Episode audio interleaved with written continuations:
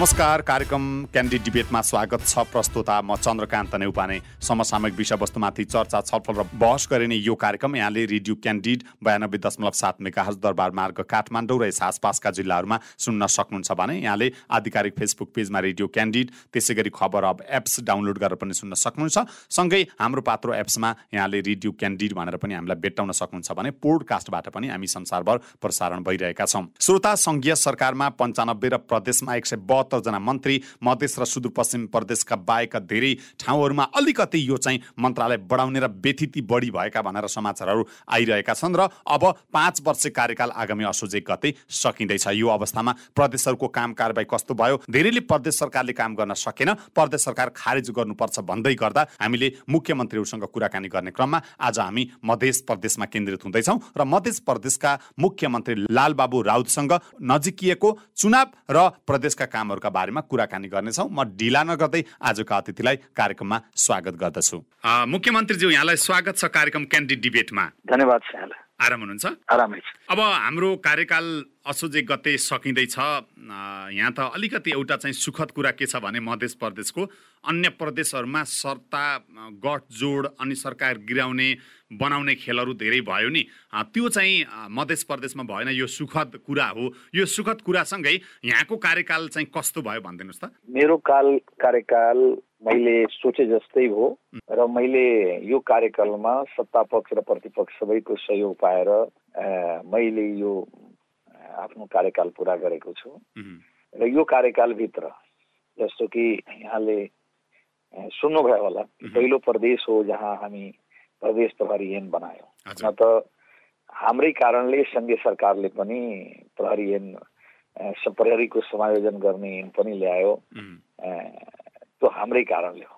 हामीले सोचेका थियौँ कि प्रदेशको आफ्नो निजामती कर्मचारी होस् प्रदेशले आफ्नै कर्मचारी राखोस् भनेर यसको लागि हामी प्रदेश निजामती ऐन पनि ल्यायौँ र यसका साथसाथै हामी लोकसेवा ऐन लोकसेवा गठन गऱ्यौँ। लोकसेवाले अहिले भर्ना प्रक्रिया सुरु पनि गरिसकेका छन्। हामी सोचेका थियौँ कि यो प्रदेश अन्य प्रदेशको तुलनामा विभिन्न कारणले यो पछि परेको छ र पारिएको छ। त्यसमा अब हेर्ने हो भने तपाईँ हेर्नुहुन्छ भने यहाँको समग्र विभिन्न किसिमका जातीय संरचना र यो प्रदेशको जुन एउटा जुन किसिमको सोसियल इकोनोमिक जुन स्ट्रक्चर छ त्यसलाई यहाँले हेर्नुभयो भने के पाउनुहुनेछ भने यहाँ तपाईँ कि एचडिआईमा मानवीय विकास सूचकाङ्कमा सबभन्दा पछि परेको प्रदेश।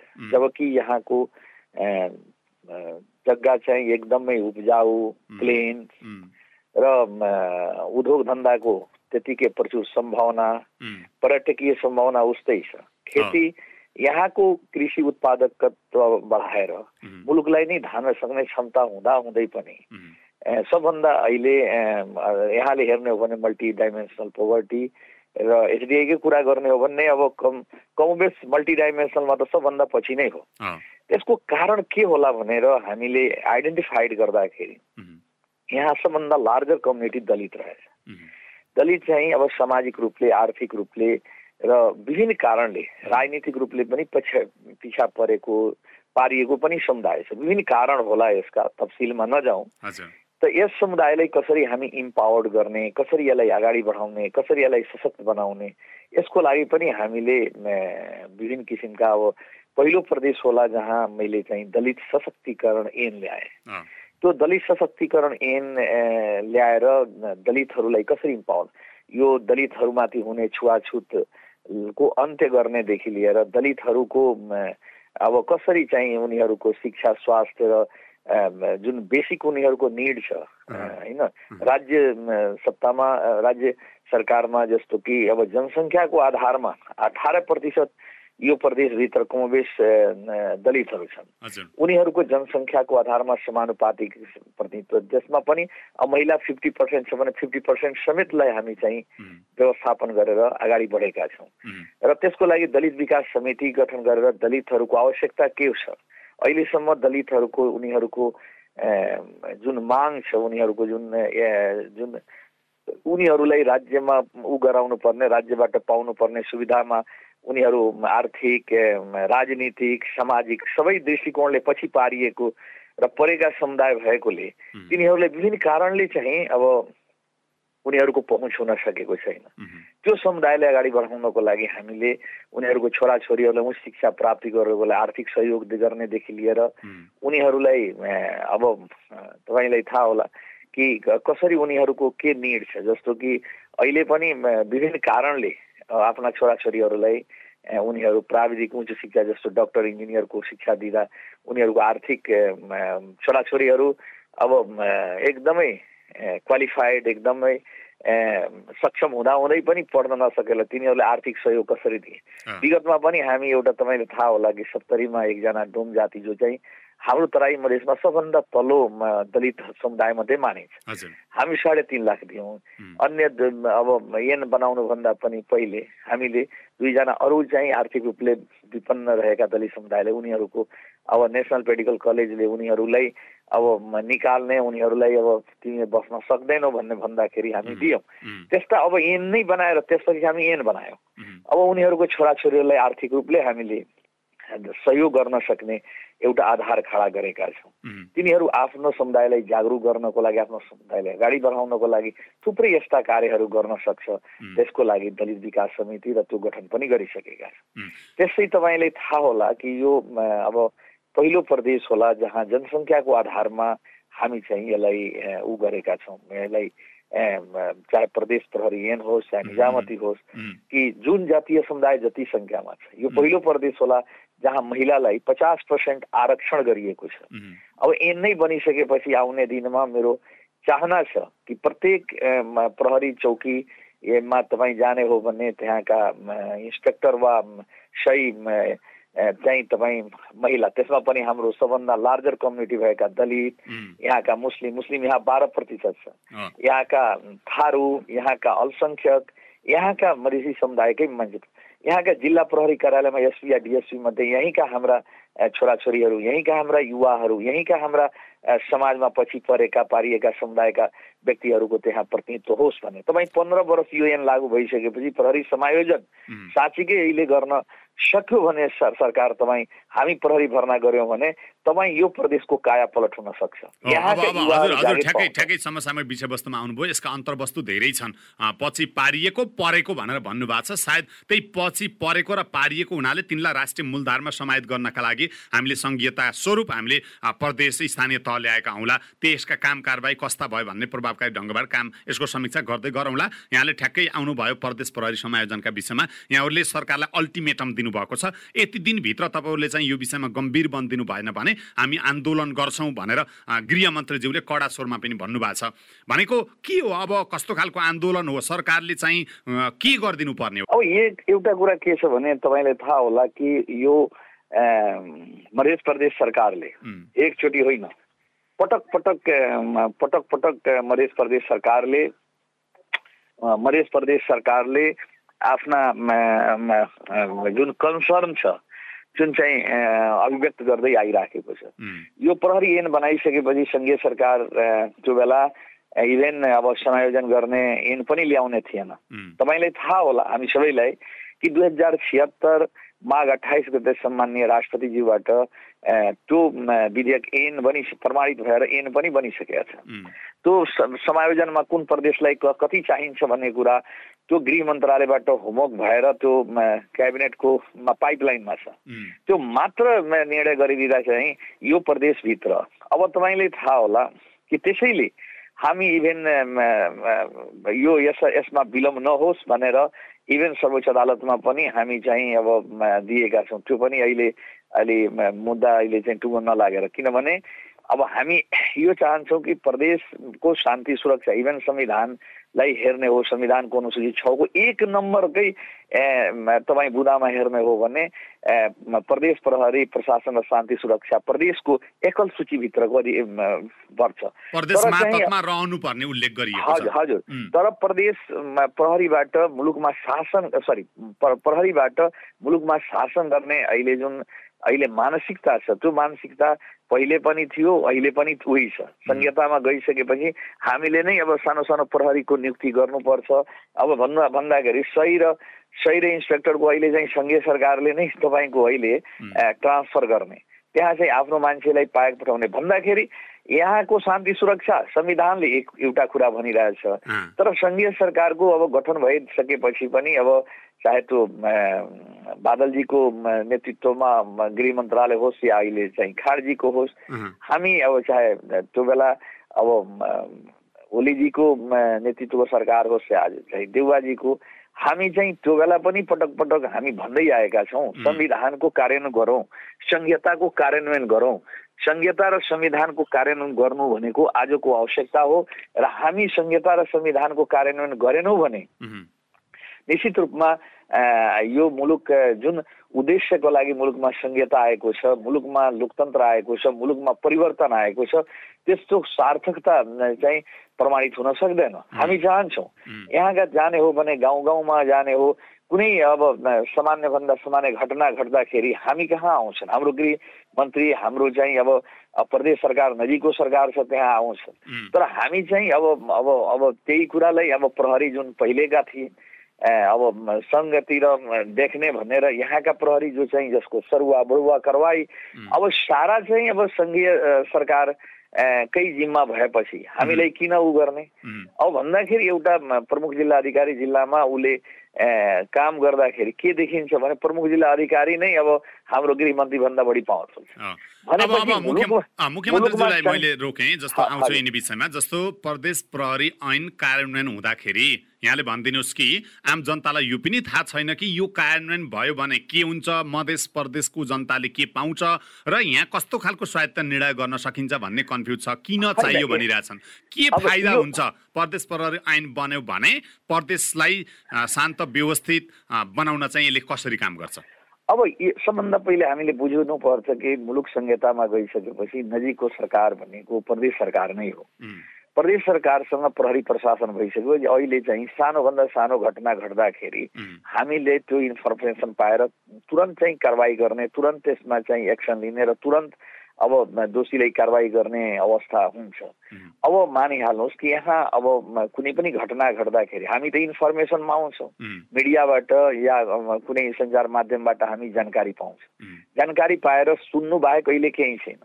तर चाहिँ हाम्रो हातमा भएपछि निश्चित रूपमा अब संहिता विभिन्न प्रदेशहरू छन्।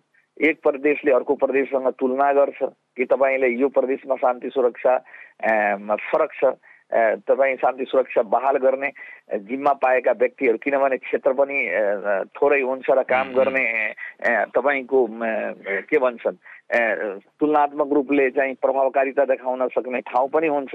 त्यसैले मलाई के लाग्छ भने अब यो मुलुक संहितामा गइसकेपछि तपाईँ हेर्नु होला अब भारतकै कुरा गर्ने हो जो कि क्वेसी फेडरल हो त्यहाँ चाहिँ अब सङ्घमा यो सिभिल तर हाम्रो के छ भने सङ्घीय सरकार पुलिसबाट शासन गर्ने मानसिकताको कारणले चाहिँ अहिले चाहिँ पुलिस चाहिँ अब समायोजनमा पुलिस चाहिँ दिनेमा आलटाल र चाहिँ अब यस किसिमको काम भइराखेको छ। त अब यहाँले सोध्नुभयो कि यसमा फरक निश्चित रूपमा हाम्रो हातमा प्रहरी आएपछि हामी चाहिँ नजिकको सरकार हामी चाहिँ अब दिनौँ अब जनताको माझमा रहेर बस्ने भएकोले हामीलाई छिटै चाहिँ त्यहाँ चाहिँ अब त्यसलाई चाहिँ हामी काम गर्ने अवस्था आउँछ र निश्चित रूपमा हामी प्रदेशको शान्ति सुरक्षा कायम गर्न सफल हुन्छ। त्यसैले मलाई लाग्छ कि अब अब अब एउटा त संहिताको कार्यान्वयन पनि हुन्छ संविधानको कार्यान्वयन पनि हुन्छ। अर्को चाहिँ अब हो सङ्घीय सरकारको पनि छ जस्तो कि इन्टर अब जस्तो एस्टेटको समस्या हुन्छ ड्रगको समस्या हुन्छ फेक करेन्सीको समस्या जुन मुलुकमा छ भने त्यस्ता इन्टरेस्टेड यो त यो भनेको त अब तपाईँको सङ्घीय सरकारको पनि केही अब गर्न सक्ने अब सब अन्त प्रदेश सम्बन्धी जुन ऊहरू छन् त्यसमा हेर्न सक्ने उसको पनि छ। तर चाहिँ प्रदेशको यो संहितामा गइसकेपछि पुरै चाहिँ प्रहरी प्रशासन त्यसको माथतमा हुनुपर्छ र संविधानले परिकल्पना गरेको यही हो। जस्तो प्रदेश प्रहरी एउटा चाहिँ हामीले एउटा यसलाई एउटा एकाइका रूपमा ल्याउँ यस्ता अरू धेरै निर्णय गर्न बाँकी छ होइन त? स्वायत्त अधिकार दिन धेरै बाँकी छ भनौँ। हजुर। अब अब राजनीतिक सङ्घीयता चुनावको माध्यमबाट आयो तर संविधानको भावना अनुसार वित्तीय सङ्घीयता र प्रशासनिक सङ्घीयताको सिद्धान्तमा कार्यान्वयन गरिएन भनेर यहाँले भनेको यो सारा चाहिँ कुरा बुझ्दाखेरि यही नै आउँछ। यसले गर्दा सङ्घीयता कार्यान्वयनमा सुरुवाती चरणमै धेरै समस्या आए। त्यसैले परदेश खारेज गर्नुपर्छ परदेशले काम गर्न सकेन भनेर कुराहरू आइरहेछन्। यसको अर्थ अझै पनि हाम्रो केन्द्रमा त्यो सोचमा अझै पनि त्यो केन्द्रीयता हाबी छ होइन? तपाईँहरूलाई अधिकार दिउँ भन्ने छैन। एकदमै यहाँले जुन कुरा राख्नुभयो वास्तविकता यही हो। साँच्चीकै भन्यो भने अब अहिलेको सन्दर्भमा हेर्ने हो भने तथ्य यही हो। कि अब अब यहाँ चाहिँ अब मुलुक संहितामा गइसकेपछि सङ्घीय शासन प्रणालीमा जुन किसिमको जुन एउटा त्यो काम गर्ने र क्षेत्राधिकारको कुरा छ त्यो क्षेत्राधिकारलाई हामी नबुझेर यदि अगाडि बढ्ने हो भने अब न भन्छ नि न अब चालहरू हुन्छ नि न कागको चाल न भकुलाको चाल अब राजाको भताभुङ्गे चाला हो हो हो। भन्दाखेरि अब जसको जहाँ क्षेत्राधिकार छ त्यो संसार हुनुपर्ने हो। अब रह्यो कुरा कि संहितामा हिजोका दिनमा पनि अब संहिता न मनपर्ने हरू त यो मुलुक नमन पर्नेहरू त धेरै छ नि। हिजो त उहाँहरूको चाहना विपरीत नै मुलुकमा संहिता आएको। हामी त त्यो बेला नै आन्दोलन हुँदाखेरि त अब तपाईँलाई थाहा होला कि सुरुको आन्दोलन मधेसी जनअधिकार फोरम नेपाल र त्यसका नेता मान्य उपेन्द्रजीको अध्यक्षतामा रहेको पार्टीले सुरुको आन्दोलन गर्दा तपाईँलाई सुरुको आन्दोलन गर्दाखेरि तपाईँले थाहा होला जे बाइस बुधे सहमति भएको थियो नि। एकल मान्य उपेन्द्रजीको अध्यक्षतामा भएका थिए।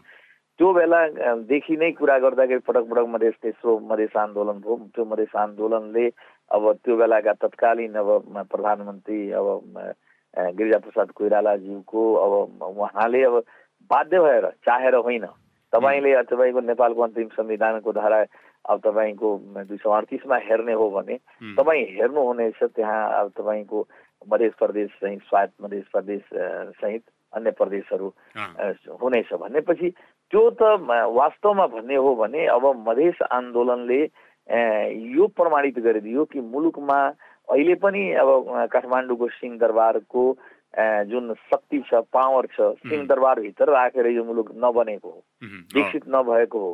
त्यहाँ चाहिँ अब जनताको लाई मालिक बनाउने लोकतन्त्रमा त जनता मालिक हो तर सिंहदरबारभित्र बस्ने व्यक्तिहरू मालिक बनेर यो मुलुक बिग्रेको हो। त्यो सोच केही मुठीभरका व्यक्तिहरू जातीय अब अहङ्कारवादीहरू अब अब भनौँ उच्च जातीय जुन अहङ्कारवाद रहेछ त्यो त्यसका चाहिँ दम्बले चाहिँ अहिले केही व्यक्तिहरू हिजोका दिनमा अब केन्द्रीकृत एकात्मक राज्य सत्ता हुँदाखेरि सधैँ चाहिँ अब सत्ताको हाली मुहाली खेपेकाहरू जहिले पनि अब हाम्रै समुदायले मुलुकमा शासन गर्नुपर्छ अहिले तपाईँ हेर्नुहोस् यो सङ्घीय सरकारका अहिले पाँच सातजना के भन्छन् यो प्रधानमन्त्री तपाईँको अनुहार हेर्ने हो भने तत्कालीन हेर्दै जाने हो भने चाहे केपी शर्मा ओली हुन् चाहे शेरबहादुरजी हुन् चाहे प्रचण्डजी हुन् चाहे तपाईँ हेर माधव नेपालजी हुन् चाहे बाबुरामजी हुन् यी समुदाय बाहेक कहाँ बढेको छ र तपाईँको यो यो मुलुकमा? तर अहिले हेर्नुहोस् तपाईँ हेर्नुहोस् त। अहिले हेर्ने हो भने तपाईँको त अहिले जनजाति नै छ नि। अब राजेन्द्र राई भन्ने अब एक नम्बर प्रदेशका। म भनेको अब यो मधेस प्रदेशका त तपाईँ एउटा एकदम अल्पसङ्ख्यक पछि रहेका धार्मिक जाति हिसाबले पछि परेको समुदायबाट म बिलोङ गर्छु नि। अब तपाईँले जाने हो भने कहीँ छत्री छन् कहीँ चाहिँ गुरुङ यो यो यो रहेका छन्। भनेपछि यो त जुन किसिमको अहिले अवस्था देखियो त्यो अवस्था त पहिले थिएन। तर त्यसैले मलाई के लाग्छ भने हामी सबै अब यो के कुरा बुझ्नुपर्छ कि केन्द्रीकृत एकात्मक राज्य सत्ताले मुलुकलाई परिवर्तन गर्न सकेन मुलुकलाई बनाउन सकेन मुलुकलाई मुलुक मुलुकलाई मुलुकलाई मुलुकलाई यसले चाहिँ उ गराउन सकेन। त्यसैले अब हामीले के गर्नुपर्छ भने मुलुक बनाउने हो भने यो मुलुकलाई मुलुकलाई संहितामा प्रदेश र स्थानीय तहलाई अधिकार सम्पन्न बनाउनु अधिकार सम्पन्न संहितामा जुन एउटा कन्सेप्टमा आन्दोलन हुँदाखेरिकै अवस्थामा जुन सरकारसँग अब तत्कालीन मधेसी जनअधिकार फोरम नेपाल र त्यसपछि मधेसी दलहरूले जुन सहमति सम्झौता गरेका थिए त्यस अनुसार जाने हो भने मुलुक समृद्ध र विकसित हुन सक्छ। र मैले अब एउटा यहाँले भने जस्तो अब जहाँ पनि हुन्छ अब जुन चाहिँ सत्ताभोगी समुदाय जमात जसको चाहिँ अब पिर परिराखेका हुन्छ। कुनै पनि त्यहाँ चाहिँ त्यसको चाहिँ प्रतिक्रान्ति गर्न त्यो चाहिँ अब त्यो त्यो सलबलाएका हुन्छन्। संविधान सभामा जुन स्ट्रेन्थ जो चाहिँ संहिता विरोधीहरूको स्ट्रेन्थ अलिक हावी भएको कारणले जुन किसिमका स्पिड र जुन उद्देश्यका साथ संहिता बन्नु संहिता हुनुपर्ने त्यो हुन सके जुन प्रदेशहरूमा व्यथिति भ्रष्टाचार होइन अनि विकृति बेरुजुको चाङ अनि पुँजीगत खर्च हुन नसक्नुमा त जस्तो एउटा घरको अभिभावक राम्रो भयो भने त्यो परिवार कस्तो बनाउने छोराछोरीलाई लाइनमा लाने काम त त्यो अभिभावक हो। यी कुरामा चाहिँ लिडर ठिक नभएर यो व्यथितिको चाङ भयो भ्रष्टाचार बढ्यो बेरुजु बढ्ता भयो पुँजीगत खर्च गर्न सकेनन् भन्छन् नि। एमा लिडर चाहिँ ठिक भएनन् नि त मुख्यमन्त्रीहरू। अब यो कुरा यो कुरा दुई तिन पक्ष छ हजुर। एउटा कुरा त तपाईँसँग म सहमत छु जे अनियमितता भ्रष्टाचार ढिला सुस्ती यो के रहेछ भने नेपालमा जुन ब्युरोक्रेटिक जुन चिन्तन छ सोच छ नि आज अहिले पनि प्रदेश या स्थानीय तहमा त्यही ब्युरोक्रेसी अहिले छ नि। किनभने हामीले आफ्नो ब्युरोक्रेट्सहरू निर्माण गर्न सकेका छैनौँ अहिले नयाँ दिन सकेका छैनौँ उनीहरूको नयाँ परिवेश हामी निर्माण गर्न सकेका छैनौँ। अहिले भएका तपाईँले भन्दाखेरि भएका कर्मचारी पनि आउने र जाने क्रम जारी छ एउटा कुरा जुन बजेट खर्च नहुनुमा त यो महत्त्वपूर्ण कारण छ। अब तपाईँको आवश्यक विभिन्न किसिमका ढिला सुस्ती गर्ने काम नगर्ने जुन ऊ रहेछ। अर्को चाहिँ अब करप्सनको कुराहरू तपाईँले भन्दाखेरि ठिक छ। यो यो यो यो थिति व्यथिति भनेको अब नानीदेखि लागेको बानी हो। जुन काम गर्ने आउने व्यक्तिहरू छन् उनीहरूको चिन्तन सोच उही उही भनौँ न एउटा वातावरण अब जहाँ गए पनि अब त्यसरी गर्दाखेरि हुँदो रहेछ भन्ने कुरा एउटा मानसिकता चिन्तन हो। तपाईँ भन्दाखेरि एकजना एकजना सानो एउटा एउटा सानो एकाउन्ट हेर्ने व्यक्तिले म गर्न सक्दिनँ भने त ठुला ठुला काम हुन सक्दैन। ठुला कामै हुन सक्दैन। म म भन्छु नि एउटा सानो तपाईँले यहाँ चाहिँ अब हाम्रो ऊर्जा तथा खानेपानी मन्त्रालय छ। त्यत्रो भइसकेको छ अख्तियारबाट पनि पत्र आइसके एकजना एकाउन्टेन्टले एकजना एकाउन्टेन्टले म भन्दाखेरि उसले चाहिँ ऊ अब नगरेपछि त्यो चाहिँ अब त्यत्रो दस करोडको अब उसले चाहिँ गरेको टावर लाइट सम्बन्धी काम चाहिँ हुँदै भएन। भन्दाखेरि एउटा एकाउन्टेन्टले त मन्त्री म मुख्यमन्त्री बोलाएर मैले भन्दा पनि अब उसले दायाँ बायाँ गऱ्यो उसलाई अब अब हटाउँदा पनि अब अन्तिम समय आइसकेको छ। अब के गर्ने? अब त्यो कर्मचारीको अभाव छ।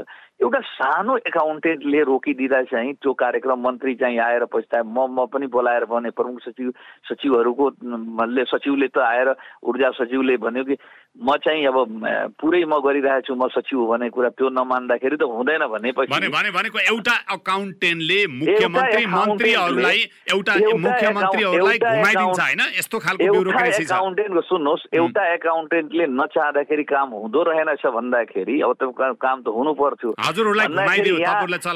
यहाँ के यहाँ के छ हजुर यहाँ के छ जुन किसिमका काम गर्ने शैली तरिका छ थुप्रै यस्ता परियोजनाहरू छन् थुप्रै यस्ता योजनाहरू छन् जो काम गर्ने अरुचि काम गर्ने विभिन्न कारणहरू छन् जो चाहिँ अब अहिलेका जुन काम गर्ने शैली तरिका अब हामीलाई अब खास गरेर प्रदेशलाई भन्ने हो भने उनीहरूलाई थाहा छ। इभन सचिव पनि अब सङ्घले पठाइदिने जतिखेर मन लाग्छ त्यो हटाइदिने जतिखेर मन लाग्छ पठाइदिने। अब अब यो कारणले हेर्नुहोस् पैसा खर्च गर्ने तपाईँ सरकार भनेको के हो? सङ्घ प्रदेश सरकार या कुनै पनि सरकार भनेको पोलिसी बनाउने त्यो कार्यक्रम कार्यान्वयन गर्ने निकाय भनेको ब्युरोक्रेट थाई सरकार नै तपाईँको ब्युरोक्रे ब्युरोक्रेसी हो।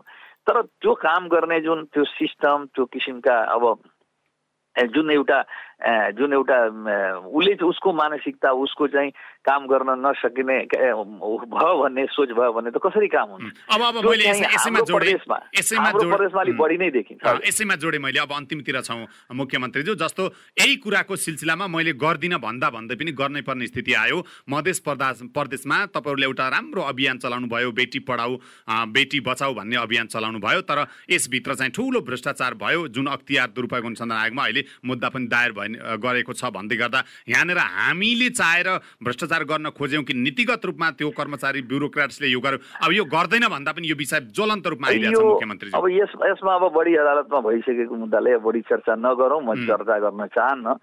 अब यसमा यसमा तपाईँहरू दोषी हो कि होइन भन्न खोजे एउटा एउटा एउटा कुरा के छ भने यसमा बढी म चर्चा किन अदालतमा गइसकेपछि मुद्दा गरिसकेपछि सबैको ऊ भइसकेछ। यहाँ चाहिँ अब तत्कालीन जुन परिस्थिति थियो कोरोनाको कारण त्यसमा थुप्रैहरू छन् सम्बन्धित अब त्यो यो यो के हो भने अलिअलि कहीँ न कहीँ त्यो बेला अब काम गर्दाखेरिको अवस्थामा नयाँ संरचना नयाँ सोच अब काम गर्ने व्यक्तिहरू पनि अब नबुझेर हो बुझेर हो। किनभने जुन तपाईँ कस्टलाई हेर्ने हो भने एकदमै न्यून छ। अब त्यसमा अब अदालतमा मुद्दा गइसकेपछि एफआइआरले राखिसकेपछि यसमा बढी चाहिँ म कमेन्ट गर्न चाहन्न। तथापि मैले यो भन्छु यो कार्यक्रम समाजलाई रूपान्तरण गर्ने अभियान थियो। पछिल्लो दिनमा त तपाईँको तिस हजार साइकलकै टेन्डर हुँदा एउटा मात्र टेन्डर परेर चाहिँ अब त्यो साइकल नै खरिद गरिएन।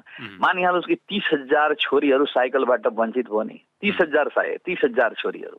अब के कति कारणले अब हामीले काम गर्ने शैली ठिक भएन। हामीले सुन एउटा कुरा के छ भने विधि प्रक्रिया मिलाउने भन्ने कुरा अब अब नेताहरू राजनीति गर्ने र त्यो सरकार मिलाउने होइन। मिलाउने काम त तपाईँ विधि प्रक्रियालाई फलो गर्ने त अब तपाईँको अब जो निकाय काम गर्ने हुन्छ उही हुन्छ।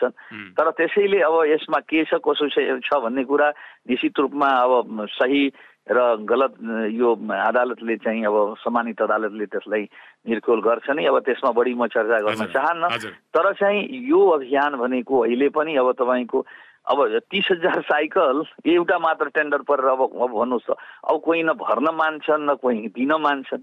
तिस हजार छोरीहरूको साइकल त अब नपाउने भयो नि। अब ल्यापटपको कुरा गर्ने हो भने बिसचोटि अहिले चाहिँ आइसके पैसा पनि राखिसकेको छ। हुन त यो मुख्यमन्त्री कार्यालयमा होइन। अब त्यो बेला तत्कालीन कर्मचारी अभावको कारणले एउटा संस्थामा अब त्यो बेला कर्मचारी न थिए न काम गर्ने व्यक्ति थिए न संस्था बनेका थिए न कुनै कार्यालय थिए। त्यो बेला यो सुरु गरेको कार्यक्रम हो। अहिले त रोक्न त पर्यो।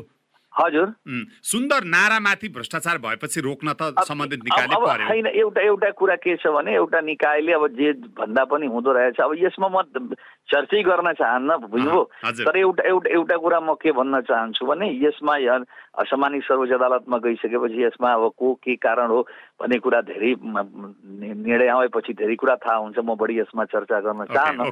म यति भन् म यति भन्न चाहन्छु कि हामीले काम गर्दाखेरि काम गर्ने निकाय संस्थाले सबै विधि प्रक्रिया पुरा गरेर काम गर्नुपर्छ। काम गर्दाखेरि काम पनि होस् र जनताले सुविधा पाओस् र यो जिम्मेवारी बोकेका व्यक्ति चाहे राजनीति कर्मीको क्षेत्रमा होस् उसले र चाहे काम गर्ने व्यक्तिहरू हुन् हामीले सबै ध्यान पुर्याएर काम गर्ने हो भने धेरै जसो व्यथितिलाई रोक्न सकिन्छ। अब त्यो काम गर्ने व्यक्तिले चाहिँ जहिले पनि बुद्धि पुर्याएर काम गर्नुपर्छ। यो म भन्छु आउने सरकारले पनि यसलाई निरन्तरता दियोस् यही म चाहन्छु। हजुर अब अन्तिममा एकै मिनटमा जवाब दिनु होला तपाईँले आफ्नो प्रदेशमा गृह मन्त्रीहरूको भेला भयो। यसबाट साझा विषयको रूपमा यिनै शान्ति सुरक्षाको विषय हामी हामी सबैको यो होइन तपाईँले अब हाम्रो यो भनौँ न यो सरकारले मात्र होइन सातवटै प्रदेशका समान समस्या छ। त्यहाँका गृहमन्त्री त्यहाँका सरकार चाहिँ काम गर्न चाहिराखेका छ शान्ति सुरक्षाको जिम्मा हाम्रो हामी गर्नुपर्छ। त्यसैले सबैले सामूहिक रूपले प्रहरी समायोजन छिटोभन्दा छिटो गरियोस् भन्ने र प्रहरी समायोजन गरेर संविधान र संहितालाई कार्यान्वयन गरियोस् भनेर भने अब भनौँ न एक स्वरमै सबैको भोइस यही थियो। र ती गृहमन्त्रीजीहरूले सामान्य प्रधानमन्त्रीजी अब सबै दलका नेताहरूसँग भेट्नुभयो हामी यो प्रदेश मधेस प्रदेश सरकार र सबै त्यसभित्र नेपाली कङ्ग्रेस पनि छ नेकपा केन्द्रीय समाजवादी पनि छ नेकपा माओवादी। सबै हामी चाहिँ अब हाम्रो पार्टी त भइ नै हाल्यो। सबै र सामूहिक सबैको यो इच्छा अनुसार सबै प्रतिपक्षमा बस्ने सम्पूर्ण दलहरूको तर्फबाट पनि यहाँले म जानकारी गराउँ कि सामान्य प्रधानमन्त्रीलाई हामी भेट्यौँ। र त्यो भेटेर हामी त्यसमा चाहिँ अब आफ्ना चाहिँ गुण राख्यौँ। जे तपाईँ छिटोभन्दा छिटो गर्नुहोस्। मुलुकलाई अब एउटा चाहिँ अब संहिता कार्यान्वयन गर्नु छ संविधान कार्यान्वयन गर्नु छ भने हामी सबै मिलेर गर्नुपर्छ भनेर मैले भनेका भनेका थियौँ। हजुर अब अन्तिममा चुनाव लगाइसक्यो यहाँ पनि पक्कै पनि अब चुनावमा चाहिँ उठ्नु होला मुख्यमन्त्री भइसक्नु भयो भनिसकेपछि परदेशमा यहाँको आकाङ्क्षा नहोला। अब सङ्घको लागि नै यहाँ उठ्नुहुन्छ। ठ्याक्कै यस अर नटमा उत्तर दिनुहोस्। होइन यो पार्टीले कहाँ कुन कसलाई टिकट दिन्छ पार्टीले निर्णय गर्ने कुरा हो। के भन्न सक्छ? यहाँको यहाँको चाहना सङ्घमा छ। होइन यो यो यो कुरा पार्टीले निर्णय गर्छ। मेरो चाहना र नचाह चाहेर के हुने हो र त्यो पार्टीले निर्णय गर्ने। हस् थ्याङ्क यू सो मच धेरै धेरै धन्यवाद मुख्यमन्त्रीज्यू महत्त्वपूर्ण विषयमा कुराहरू राखिदिनु भयो धन्यवाद। श्रोता यतिखेर हामीसँग कुराकानी गर्दै हुनुहुन्थ्यो मध्य प्रदेशका मुख्यमन्त्री लालबाबु राउत। यहाँलाई आजको कार्यक्रम कस्तो लाग्यो? सुझाव सल्लाह प्रतिक्रिया दिन नभुल्नुहोला भन्दै यतिन्जेल रेडियो सुन्नु भएकोमा यहाँलाई धन्यवाद र धेरै धेरै धन्यवाद प्राविधिक मित्र गणेश श्रेष्ठलाई पनि आजको लागि कार्यक्रमबाट म प्रस्तुता चन्द्रकान्त नेउपाने पनि विदा भएँ। नमस्कार रेडियो सुन्दै रहनुहोला।